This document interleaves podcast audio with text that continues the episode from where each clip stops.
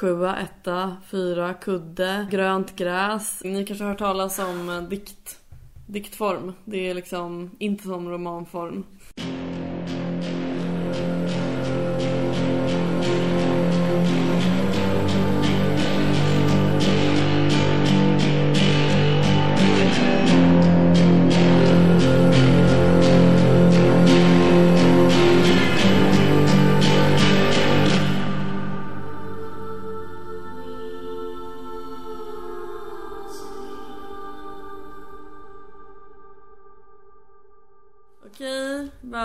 Till ett eget rum avsnitt 13. 18. Va? Ja. Okej. Ja, eh, gud vad långt. Gud vad många avsnitt vi har gjort. Jo, det är avsnitt 18. Okej.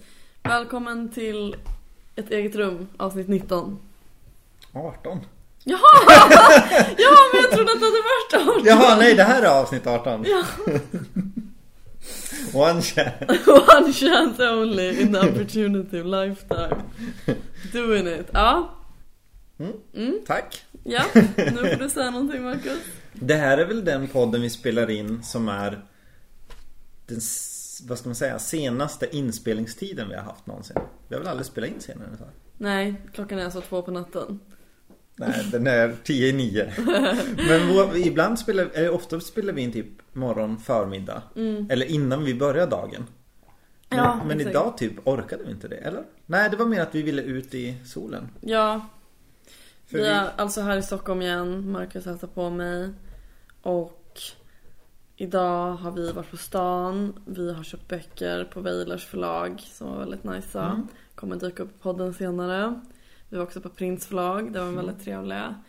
Sen var vi och drack afternoon tea. Det var jävligt nice. Sen fick Mm. vi en paltkoma, rullade hemåt och nu sitter vi här med kaffe. Jag köpte ett par skor på H&M och då kände du att det var det som citat tog knäcken på dig.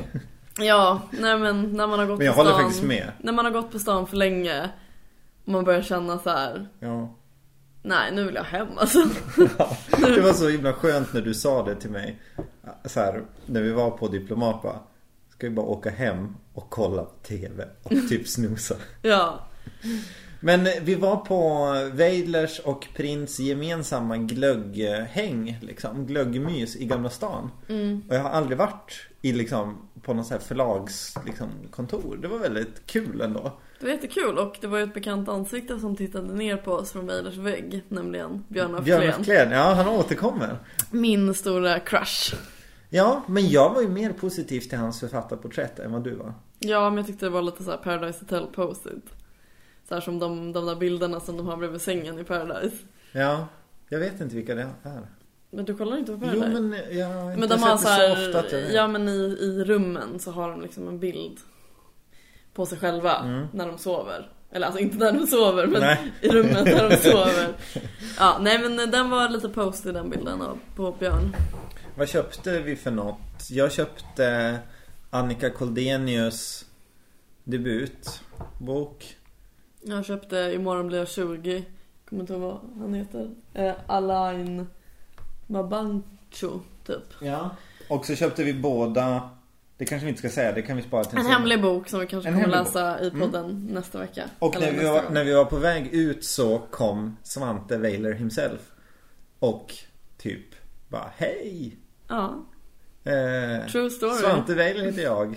Det är jag som har det här förlaget Och var, han var jättetrevlig och han eh, tyckte att eh, vi hade gjort ett väldigt bra val Av vad vi hade köpt. Och Marcus sa när vi gick därifrån att han verkade inte alls vara som Jan Heberleins bok Ett gott liv. Där han beskrivs som djävulen själv. Så det var ju skönt Ja, att få det bekräftat åt andra hållet liksom. ja Det är svårt det där Förut var jag så stenhårt team Heberlein i den affären Ja, jag förstår det. Å andra sidan ska man låta sig några godisstänger och pepparkakor och komplimanger ska man omvändas då. Ja. Pepparkakshoror. Mhm. Eh, boken som vi har läst eh, idag är våran första diktsamling. Ja. Och det är Alfabet av Inge Kristensen som ges ut av Modernista. Och Det känns som vi har haft många modernistatitlar. Eller? Jag tror inte vi har haft så många faktiskt. Har vi inte det? Nej. Vi har haft Janet Frame. Mm. Är det bara den? Alltså jag tror typ det. Jag tror det är bara för att du läser massa modernista at home. Så du tror att du har pratat om det i podden. Ja, Men nej, jag tror inte det. det är för att jag går runt med mikrofon hemma. Tuva, vad tycker du? Nej, den jättebra. Nej men jag tror inte vi har haft någon med modernista faktiskt. Nej, det kanske inte är den. Men vi pratade om det förut. Modernista är ett väldigt bra eh, förlag. Så Mm. vi stödjer dem. Öppen, eller ö, så här, öppet brev till Modernista. Varför är ni inte på bokmässan? Ja, verkligen. Vi vill typ shoppa loss liksom. Verkligen. Alltså den montern hade jag Och hoppat träffa mest dem. Jag vet ingen. Jag har aldrig träffat någon där.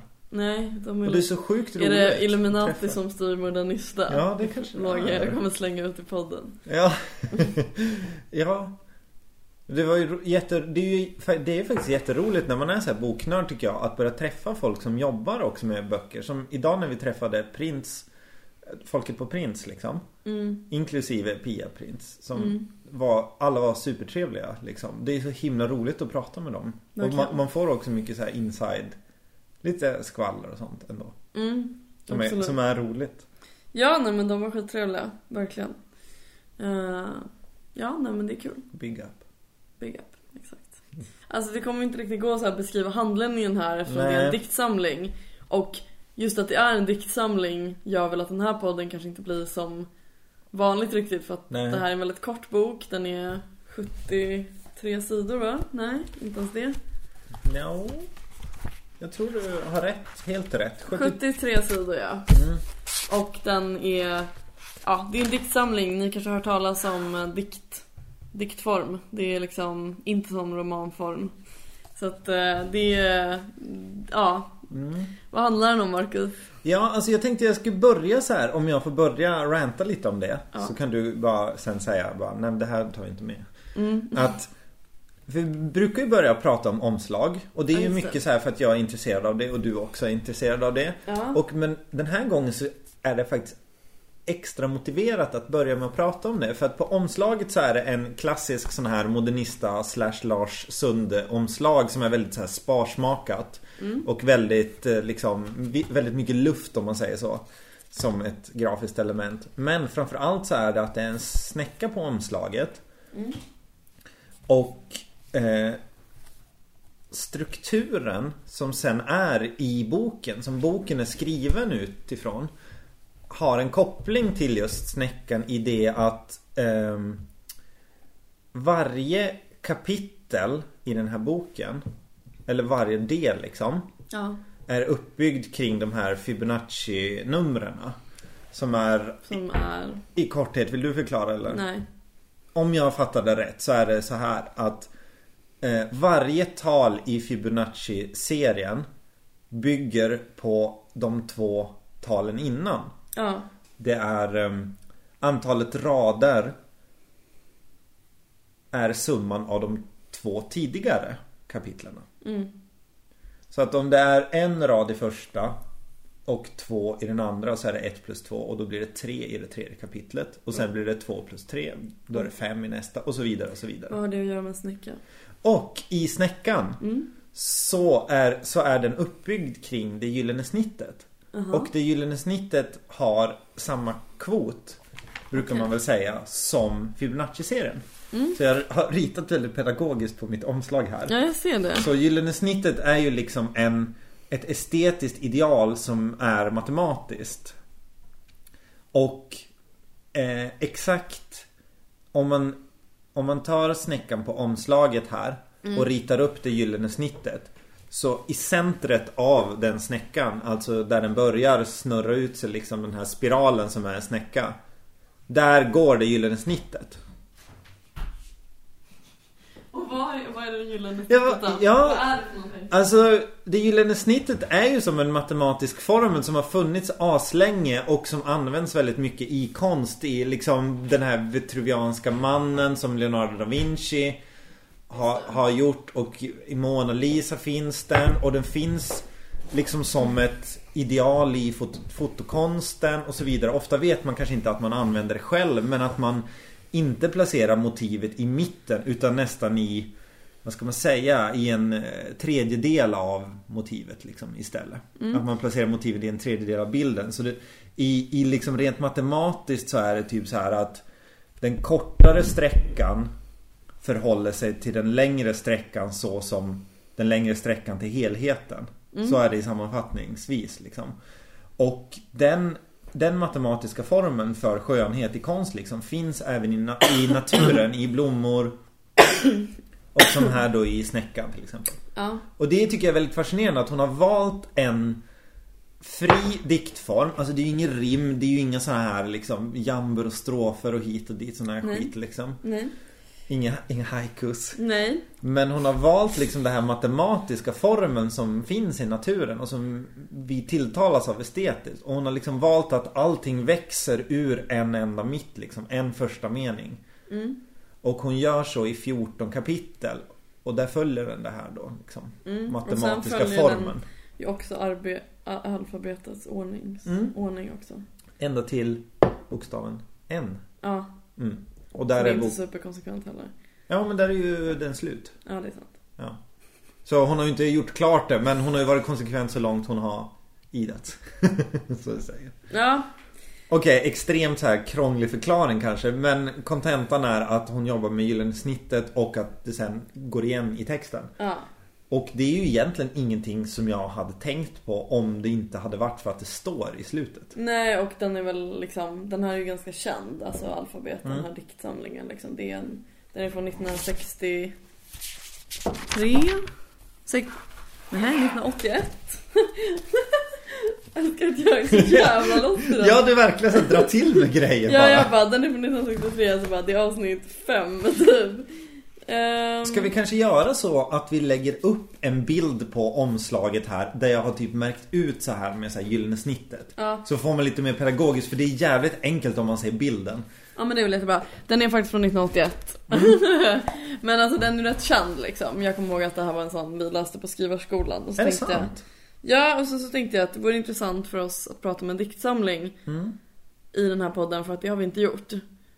Eh, och ja, det är kul. Det är svårt tycker jag att så här För att jag har liksom en När det gäller, om jag läser en diktsamling Då har jag typ det här kravet att Om någonting är bra så tycker jag det är en bra diktsamling Ja men jag är typ likadan. mm. Och så är jag inte med en roman på det sättet Då är jag inte så här: okej den här meningen var jättebra så då är det en bra roman Där har man ett helt annat krav tycker jag Mm. Men jag antar att då tycker du att den här är bra? Ja, men jag måste säga att jag har läst den Jag läste den två gånger hemma Mm. Och sen läste jag den en halv gång Jag har läst halva på vägen upp hit nu på Oj, tåget gud vad... För att jag kände lite så här att Det var inte så här jättemycket som fastnade på det sättet Att jag kan återberätta det Men sen är det ju också frågan om så här Är det någonting negativt nödvändigtvis? Mm. Jag tycker nog att det är lite Du negativt. tycker det? Alltså mer, ja alltså jag menar de böcker som man ändå tyckte om väldigt mycket har man ju ändå kommit ihåg. Tänker jag. Ja Men sen kan det ju vara böcker som är dåliga som väcker sådana känslor också. Att man bara, ah gud jag minns verkligen den här liksom. Men jag vet inte, alltså jag, jag känner också så här. Alltså jag kan ju liksom erkänna, jag har ju varit rätt slarvig. Alltså jag har verkligen så här. Jag har haft en liten så här period där jag har bara så här flummat runt jävligt mycket och så här inte riktigt fokuserat på typ Mm. varken jobb, skola eller den här podden. Och ehm, jag vet inte, jag, jag har läst den liksom. Men eh, jag har liksom, jag känner också så här att jag har inte, alltså det har inte fastnat så himla mycket. Jag tycker att den är bra, jag tycker att den är fin. Men, ja. ja.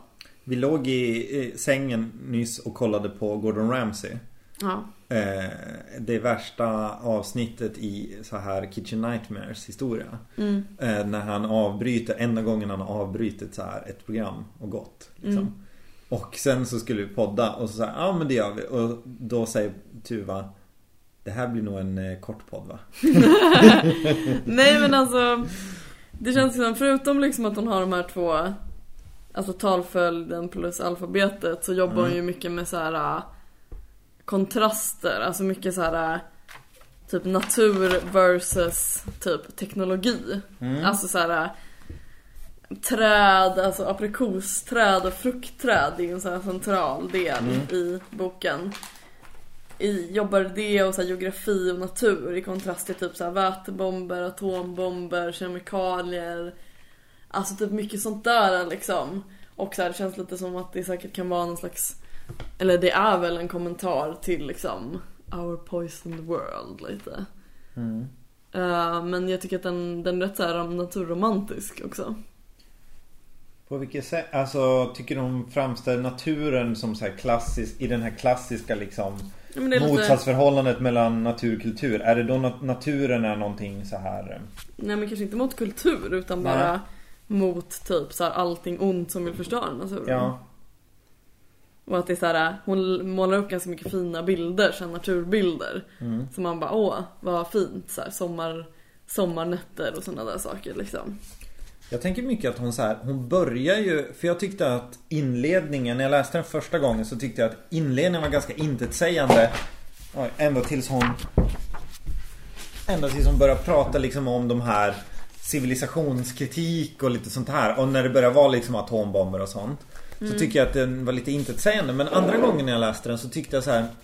Den börjar ändå ganska bra så här. Den, det är lite så här skapelseberättelse över den i början. Att det är mycket så här som en inventering av så här Alltså att hon går igenom vad, vad vi har att, att förhålla oss till nu i den här dikten. Mm, och det är ju lite som Lotta Lotas i början av hennes bok. Det är också Ah. en typ av skapelseberättelse. Gud, det tänkte jag inte på. Nej. Det är kanske något jag drar till med alltid när jag inte vet vad jag ska säga. Fast det var ju typ jag som sa det i den podden i. Jaha, det var det. Ännu värre, då typ plagierar jag grejer du har sagt tidigare. Ja, nej men. Nej men i början så är det ju typ så här väldigt intetsägande att det är så här, den börjar ju så här Aprikosträden finns, aprikosträden finns. Mm. Och då är man bara så här, okej så här klassisk liksom, nu har jag hittat något snyggt ord här. Och bara så här, men sen börjar det ju växa liksom och sen blir det ju typ såna här eh, mer inte handfasta saker som finns här. Dagarna, döden, drömmar till exempel på det liksom. Att hon börjar inventera även sånt så här att det är lika, hon ger det liksom samma innebörd på något sätt. Att det är också något att förhålla sig till. Något som faktiskt finns. Det är inte som man är så här Ja men sånt som finns i verkligheten. Som man kan säga om handfasta saker. Mm. Alltså jag tyckte det blev jättebra på typ sidan 6 när hon börjar vara så här. Felen finns, de grova, de systematiska. För att då börjar hon vara liksom så här att det här är saker som som finns sida vid sida av eh, så här himlen och olika djur och sånt där liksom. Att det är på något sätt någonting som som existerar som en egen kraft eller vad man ska säga så här. Mm. Och inte kanske som något som någon gör. För hon kritiserar ju ingen specifik så här liksom politisk tanke Nej eller men det gör någonting. de ju inte. Alltså, jag tycker så här att den här dikten, liksom, eller den här diktboken, eller liksom om man ska se det som små korta dikter, Mm. eller om man ska se det som en hel. Jag ser det väl som en hel snarare liksom, Ja. eller det gör jag. Eh, och liksom ibland så här när man läser dikter eller liksom diktsamlingar att man sitter och bara, vad i helvete? Alltså vad, vad, vad är det här för någonting liksom? Mm. Och det tycker inte jag den här boken har. Jag tycker inte att den har någon what-känsla. Utan den har Nähä. så här. Man förstår. Hon målar upp liksom bilder hela tiden. Mm. Som man får en känsla av. Och det är sån poesi jag ändå gillar. Alltså där man liksom. Ja men det är bara lite mer fritt flödande bilder som. Liksom och symboler snarare än att så här. Ja men som min favoritbok då som vi pratade om igår. Martina Lodens Ja. allt. Så man bara, vad i helvete är, alltså vad, vad är grejen liksom? Alltså så här, den är ju ett exempel på det men det finns andra exempel på det också. Alltså så här, många diktsamlingar när man bara "Va?" Alltså så här, man fattar inte och det är ju sånt som gör att så här, poesi är så här, ja svårt och liksom så här. Om man ger typ Martina Lodens allt i en högstadieklass. Mm. De skulle aldrig läsa någonting igen, de skulle aldrig öppna en bok igen. Nej. För att de skulle bara, vad är det här för skit liksom? Ja. Okej. Eh, och det tycker inte jag att den här boken har utan den har ju verkligen så här. ja, den är ganska liksom konkret. Alltså, Ja, det är bra ord ändå så här. Mm. Konkre- alltså den har ju konkreta saker i sig. Och jag kan ju tycka ibland när man så här om man apropå liksom att få så här stenciler i högstadiet. Om man får typ Tranströmers någon sån här. Mm. Som är så jävla okonkret. Då blir man ju så här att om man får en lunta med det liksom. Och, i, Ja. och det finns inget konkret att börja i. Det är bara en massa bilder och metaforer liksom. Här finns det ju relativt konkreta saker ändå i den. Ja men den är ju superkonkret. Alltså det är väldigt mycket så här rabblande av olika ting liksom och bilder som jag tror att de flesta kan se framför sig liksom. Det är inte så här sjua, etta, fyra, kudde, Nej. grönt gräs, eh, rött gräs, en tavla. Alltså det där, sådana dikter som man har läst och bara va? Ja. Alltså va? Ja. Och som är så här också du vet helt fuckad så här typografi på pappret. Ja, att de är det. så här liksom överallt. Ja. Och man bara vad är, var ska Som eh, Daniel eh, säger, all over the place. Ja, exakt. Den här är ju liksom text som man bara läser. Mm. Det finns typ en del av texten där man är lite osäker på hur man ska läsa den. Men annars är det liksom klockrent. Ja. Så att, eh, ja. Ja, det är ett enda ställe där det är typ en trappa liksom. Mm. Ja men det är en trappa. Men det är det så här ändå att man bara okej jag testar typ två olika sätt att läsa det här på. Ja. Men jag är en konkret person. Jag vill ha konkretism. Jag vill inte ha så här vad fan är det här typ. Hur ska man läsa det här? Det har inte jag tålamod för. Ja. Det är ganska svårt när man också är så här, när man märker en text att det är någon som är så här, nu har jag hittat ett fint ord här som jag ska få in här liksom. Mm. Jag tycker inte hon har så mycket sånt, tycker du det? Alltså det är väl om det i så fall aprikosträden. Ja. Men jag tycker det är jättefint. Jag Ja. älskar den bilden. Jag blir så Jo, men jag jätte... menar, hon sätter inte ihop ord och håller på sådär. Nej, nej men det är inte som att hon sättet. ska säga kudde bara för att säga kudde. Nej. Alltså jag tycker också att det är ganska svårt att säga någonting om den, den här också. För att Mm. Den är ganska... Alltså så här, den, den har ett innehåll men Mm. det är liksom... Jag vet inte, det är mer att man läser den och bara, det är en trevlig så här poesiläsupplevelse. Mm. Men det är liksom inte så här jättemycket att analysera typ, tycker jag. Nej. Eller så här, har du någonting? Jag tänkte ju att jag har ju en uppgift till dig. Och jag vill att du ska läsa någon del av den här med Bruno Coirus. För jag tror verkligen att du skulle kunna göra det. Men gud, det var så länge sedan jag hörde han läsa men jag har det ju på något sätt i huvudet. Oj, det hade jag behövt öva, men kul. Ja, det vill jag göra. Har du en speciell? Nej, alltså jag vet inte, du kan ju läsa vilken du vill. Härma Bruno Marcus. Härma Bruno. Härma Bruno. Härma Bruno. Så jävla grabbig stämning när man ska prata Ah, poesi med ah, dig. ah, ah. Är det gränserna eller är det fiskhägen? Ja, gränserna tycker jag. Jag kollar inte på den nu, så du ta det lugnt. Du behöver inte känna att det är Okej. pinsamt. Men har han lite stockholmska också? Mm, ja men lite. Gränserna finns. Gatorna. Glömskan. Och gräs. Det är skitlikt ju! Är det Ja. Fan vad bra. Men han är ju rätt erotisk nästan. Barn, Ja men han stönar liksom fram. experiment! Ja, men han är lite som Han är lite som en pastor i en sån här amerikansk kyrka så bara Praise the Lord Så Och också som Lundell är när han typ sjunger en mening ibland att han avslutar med en sån här sten Ja. Rött och romantiskt.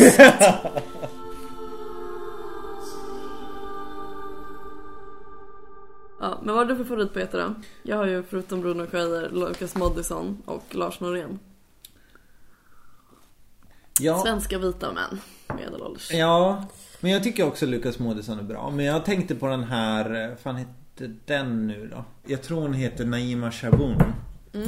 Men jag kommer inte ihåg vad boken hette om Om den heter Glömskans ark- arkeologi eller arkitektur eller någonting sånt där Som handlar om en så här historisk händelse Men också, man behöver liksom inte tänka, man behöver inte veta någonting om det så här. Jag tycker det är fint när det kan han, ha en handling också så här. Ja, det tycker jag är jättebra. Men vad, vad är det du gillar med de som du har som favoriter? Mm, De har ju lite så här, äh, de har ju väldigt så här rakt på stil. Det är ingen Mm. what-känsla där, där överhuvudtaget. Det är väldigt så här enkla vardagliga ord och det handlar ganska mycket om så här relationer känns det som. Alla deras, alltså det är lite så här. Ja men om deras liv liksom. Det är inte så här naturen eller så här rymden. Det är inte det är sånt det handlar om. Utan Ja. det handlar typ om så här, så här uppbrott och kärlek och sådana där grejer liksom. Alltså Lukas Moodysson är ju en av mina favoritförfattare och han började ju som poet liksom. Han är jätteduktig. Tycker jag. Han spränger ju också in så här vardagliga känslor, så här döden och typ politiska åsikter. Kan man säga. Mm, men jag tycker att alla de tre är ganska lika. Speciellt Lukas Moodysson och Lars Norén i alla fall. Mm. Åh, just det. Vad gör jag här är ju jättebra. Ja, nej, men vi kan tipsa om några. Vad gör jag här? En dikt av Lukas Moodysson. Mm. Det är en kort diktsamling som är väl en typ. Som... Alltså hans första diktsamling den heter Det spelar ingen roll vad blixten slår ner. Den är från 1987. Och sen har jag här dag, Lars Norén dagbok augusti till oktober 1975. Så det var ju lite innan han skrev sin... Ja. Kul att du har dem som så här enstaka diktsamlingar så att det inte är att du har en så här diktsamlingssamling så här ett Nej. livsverk typ. Jag tycker nästan det är så här kan kännas oförskämt ibland när man så här, för jag har ju en del sådana typ så här Karin Boye samlade. Man har ett helt livsverk i en liksom bok så här. Jag tycker nästan det blir för mastigt att läsa det så här från pärm till pärm ofta så. Mm. Den här är nice. Jag är 31 år, ensam, arbetslös, skräckslagen och jag är rädd för att bli sinnessjuk av tomhet, medkänsla och intig... intighet. Mm, integritet tror jag. Vilket jag faktiskt också håller på att bli. jag är kastad att falla ner i mig själv, ingen kan hjälpa mig. På gatan går människor som om något fruktansvärt hänt mig. Jag går och handlar bröd i marmorbutiken. Alltså det är väldigt mycket så här. Det är så himla vardagligt men ändå så här hemskt liksom. Alltså jag tycker, jag gillar verkligen sånt och det är så väldigt direkt liksom. Det är som små korta noveller nästan. I den här. Ja. Den är jättebra. Det här är nästan den bästa tycker jag. För det tycker jag att hon gör i den här också. Hon beskriver ju till exempel eh, att så här mm, Hon har ju någon fascination vid atombomben i den här. Ja. Och hon skriver ju om det på ett sånt sätt som att så här Tänk att bli typ bortsprängd av en atombomb just när man står så här och kokar potatis. Ja. Och man ska precis så här kolla om den är typ klar. Och då bara sprängs man liksom. Och det, det är lite som han så här att man typ, ah, nu ska jag gå och handla och då känner jag det här. Liksom. Att det ändå pågår ett narrativ som är det yttre och ett som är det inre liksom hela tiden. Nej men det känns som att det är lättare att säga vad man inte gillar för, för dikter än vad man gillar typ. Eller så här, Eller jag vet inte, jag har ändå så läst ganska mycket poesi när jag gick på Öland och sådär. Men, och skrivit liksom. Men jag tycker att det är, det är svårt alltså. Och det är verkligen så här, det måste verkligen vara som man själv gillar typ. Annars kan man inte ta till sig det tycker jag. Alltså precis som hon konstaterar i början när, om man säger att hon liksom inventerar allting som finns så här. Att hon återkommer till det ordet så här. Finns, det är fin, det och det finns liksom hela tiden. Ja. Men jag tycker att hon är väldigt så här em, i texten liksom inte pessimistisk men det blir liksom på något sätt att hon konstaterar mer att saker händer typ som att eh, på, på sidan 36 här så, stå, så är det den här stycket som är Eh, mer finns inte att säga. Vi mördar mer än vi tror, mer än vi vet, mer än vi känner. Mer finns inte att säga. Vi hatar. Mer finns inte. Och det, jag tänkte liksom så här att det, det är lite med den här diskussionen som är i politiken nu i och med SDs kaos liksom. Att man är i de, det har vi ju pratat om tidigare också, att man är i de här olika läger så här att vissa är så här vi ska inte acceptera de här åsikterna och vissa är så här men man måste förstå varför liksom. Ja. Och att hon är ju mer typ så här människan är typ några som hatar. Vi är sådana, vi mördar. Det är det här som finns liksom Ja. i oss. Och att hon är ju ingen, det är ju inget hopp, det är ju ingen analys. Det är bara så här det är ganska så här sorgligt konstaterande ändå. Håller du med om att den är så eller? Den här texten. Att det, Jo. att det är mycket så här, atombomben finns. Det finns en arbetsgrupp som liksom har forskat fram det här. Lite så är hon ju. Ja, men jag tycker ändå på något sätt att det hoppfulla som hon för fram är lite så här äh, de här sköna naturbilderna när hon typ så här kokar potatis i sommarstugan och tittar ut över en ljuv himmel. Mm, Men att hon sen måste konstatera all skit som finns också. just det. Åh, det har inte jag tänkt på. Alltså det är lite som den kontrasten liksom. Att det är den här idyllen versus typ allt ont som folk gör som man bara Ja men typ som liksom när det här med nyvalet och då känner man bara att man vill åka ut till en stuga och leva Ja. ett liv långt bort från folk som är idioter. Ja.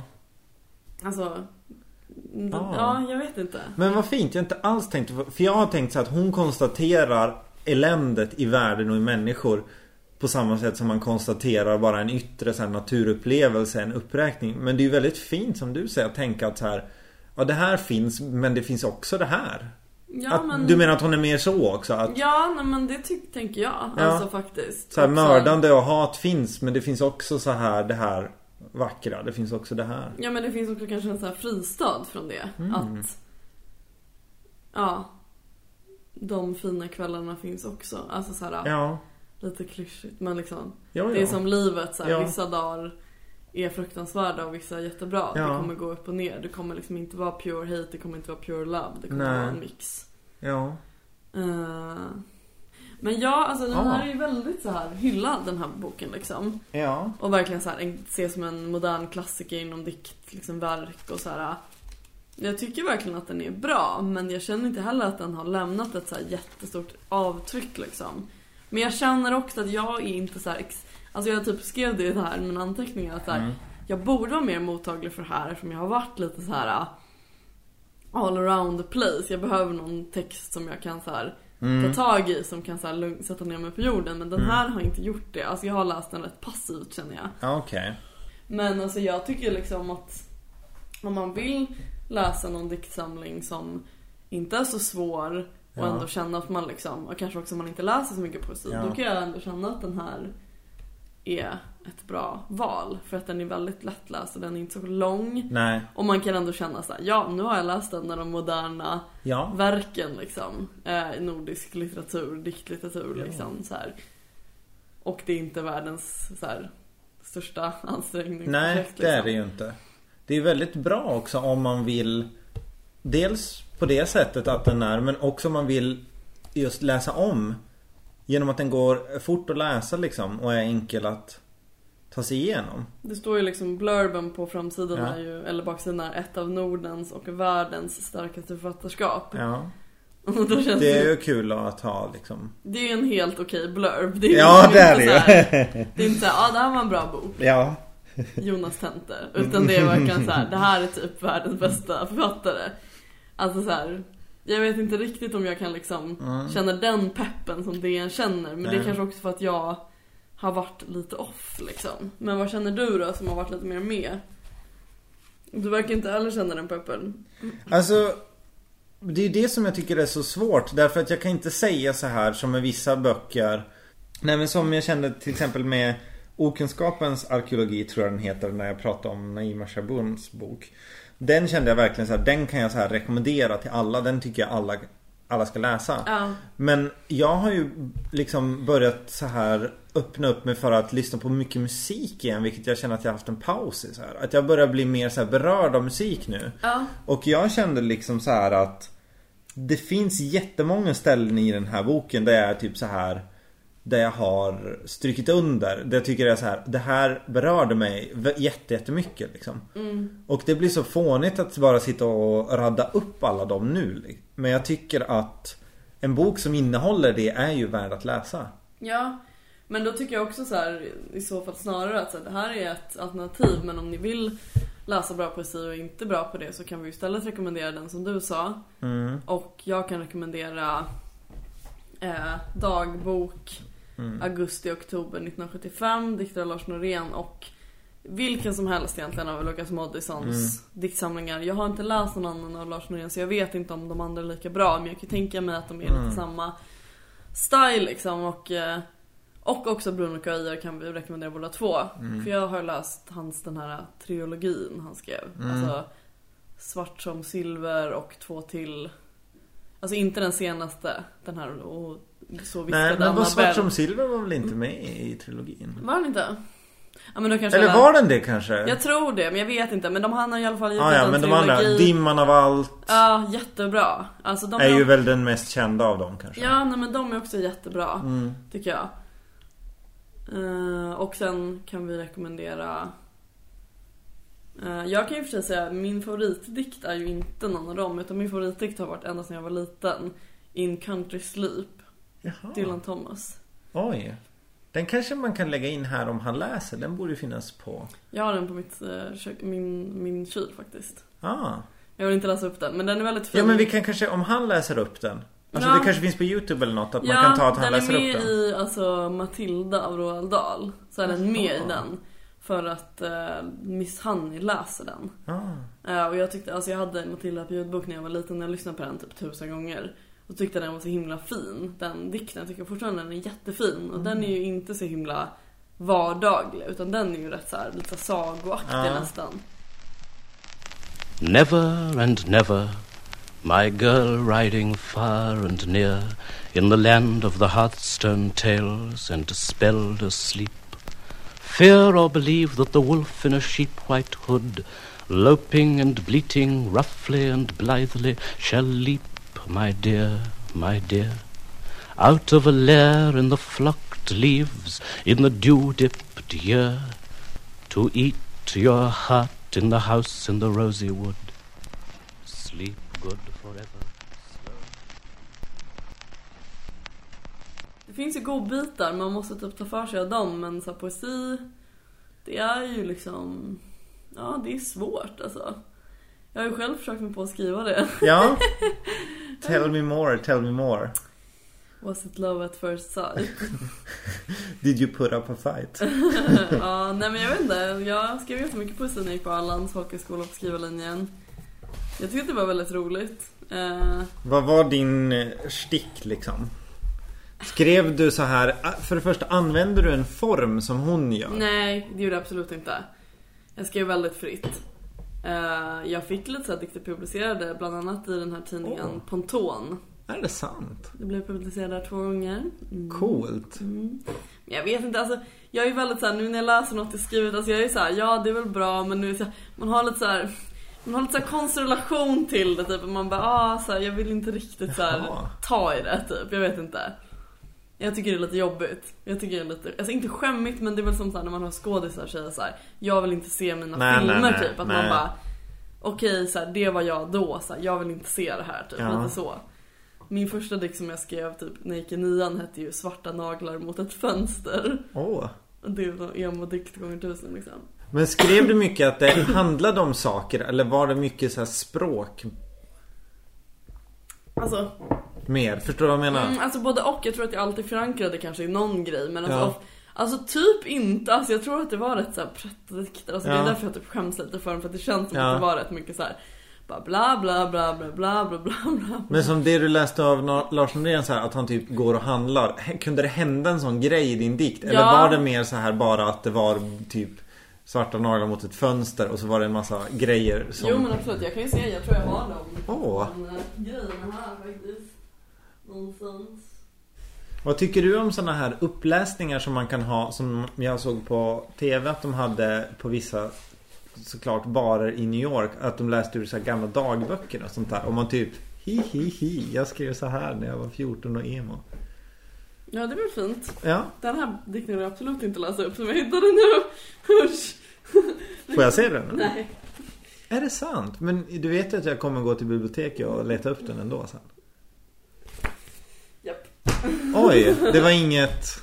Nej men alltså det var inte dåligt så men du vet såhär, jag har inte distans i den dikten. Jag vill Nähä. inte läsa Men upp då, den. men då är det ju ändå att du typ, då är det ju ändå någonting som har utgått ifrån dig själv då eller? Nej men vadå, allt man skriver utgår ju från sig själv. Fast jag tycker inte så här, alltså skrivar kursgrejer man har skrivit. Jag har skrivit en del när jag gick skrivarskola. Som bara var för att jag typ ville skriva snyggt. För att jag ville skriva typ som folk som skriver dikter skriver. Ja men den där är en sån, typisk sån. Okej. Alltså den där utgår ju typ inte från mig, men jag tycker bara att det är pinsamt. Alltså Ja, att ja. jag typ bara, det här är inte jag liksom. Jag vet inte, alltså jag bara, det är väl okej att inte, att inte att känna så, eller hur? Ja, det är det. Nej, du tycker inte det, för du är Nej verkligen men, jag, jag, nej men om, du, om det hade handlat om någonting som var personligt, då hade jag förstått det. Men om det är typ så här att här har jag försökt liksom vara bra. Eller typ, här har jag försökt Fast det är ju också vara... pinsamt. Jo men pinsamt tänker jag inte är så jobbigt liksom. Nej men det är för att du inte ska sitta här och behöva läsa upp någon dikt så kom tillbaka när du har någon. När du har varit publicerad i Ponton. Nej men jag menar bara att Ja, liksom jag fattar. Det finns där, om någon känner manken att läsa upp det, fine. Men jag Mm. kommer inte läsa upp det i den här podden för jag har redan rappat i den här podden. Det räcker. men det jag kan säga så här, det är pretentiösa dikter, absolut. Har du läst den högt för, någon gång på en så här uppläsning? Hade ni sånt? Ja, ganska mycket. Jag tror inte att den här dikten som Nej men du har, du har stått och läst den då? Ja, usch. Jag kommer ihåg att vi drack massa så här mäsk innan det för att vi var så himla nervösa. Va? Ja. Vadå? Coolt. Nej. Det är väldigt Dylan Thomas att dricka mäsk innan man ska läsa. Nej men sen har jag ju, skrev jag ju en roman också. Ja, Som hette... do tell. Ja, och den hette ju också ett prettonamn. För det tycker jag faktiskt är fint. För det är ju från ett av mina favoritband JJ. Har ju en versrad som är Take me away like an overdose on heroin. Och det är ju jävligt pretto. Ja, Men det är samtidigt fint. det är snyggt. Mm, det är fint. Jag är så himla nöjd med nu att bara läsa och inte skriva. Det är så Är jävla du det? skönt. Ja, alltså verkligen. Alltså alla är ju så här, eller alla, men alltså folk är ju så här, ah, ska du inte ta upp skrivandet, du borde skriva Ja. klart din roman nåt. Men alltså nej. Jag tycker, alltså, jag tycker det är så jävla skönt. Jag Vad har- handlade din roman om? Jag ville säga det. Ja, jag kan säga det. Den, hand, alltså, den var ganska så här fragmentarisk. Alltså den hade verkligen ingen så här. äh, Det var inte som att jag var så här. Ja, ah, jag har kommit på en historia verkligen. Nej, Utan nej. jag typ skrev verkligen på måfå. Så här, jag bara, ah, nu kommer det här hända. Mm. Men den handlar väl i, alltså, i kort om en ung tjej. Oj, vem kan det vara? Kan det vara, kan det vara jag? Jo, det kanske det kan. Nej, men typ som... Ja men bara så här, alltså det är, den har liksom ingen fast handling, den har verkligen inte det. Men det handlar väl ganska mycket om att hon försöker komma över ett ex. Ja,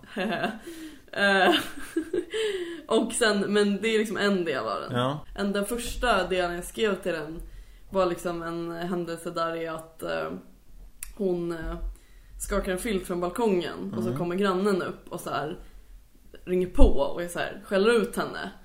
Och så har hon så här i sitt huvud att, att hon bara säger så här, ah gud förlåt och sen så typ tänker hon så här, fuck you you motherfucker typ och så här ska skjuta honom i huvudet typ. Åh. typ lite Tarantino Ja. tänk liksom. Och att hon är så här. Hon tycker det är så här skitjobbigt att det händer och verkligen får så värsta ångesten och bara kan inte så här ta att hennes granne typ så här höjer rösten till henne, typ sådär. Men det tycker jag är bra. Det är ofta så, sånt man, man eh, psykar ut på när man mår dåligt. Mm. Nej men jag, vi ska säga hej då nu. Vi ska gå och kolla på nästa avsnitt, ett av de sista avsnitten av Paradise Hotel. Det kommer bli så nice. Jaha, ska vi? Ja. Ja, Ha det bra! tack för att ni har lyssnat på återhörande. Tack, tack.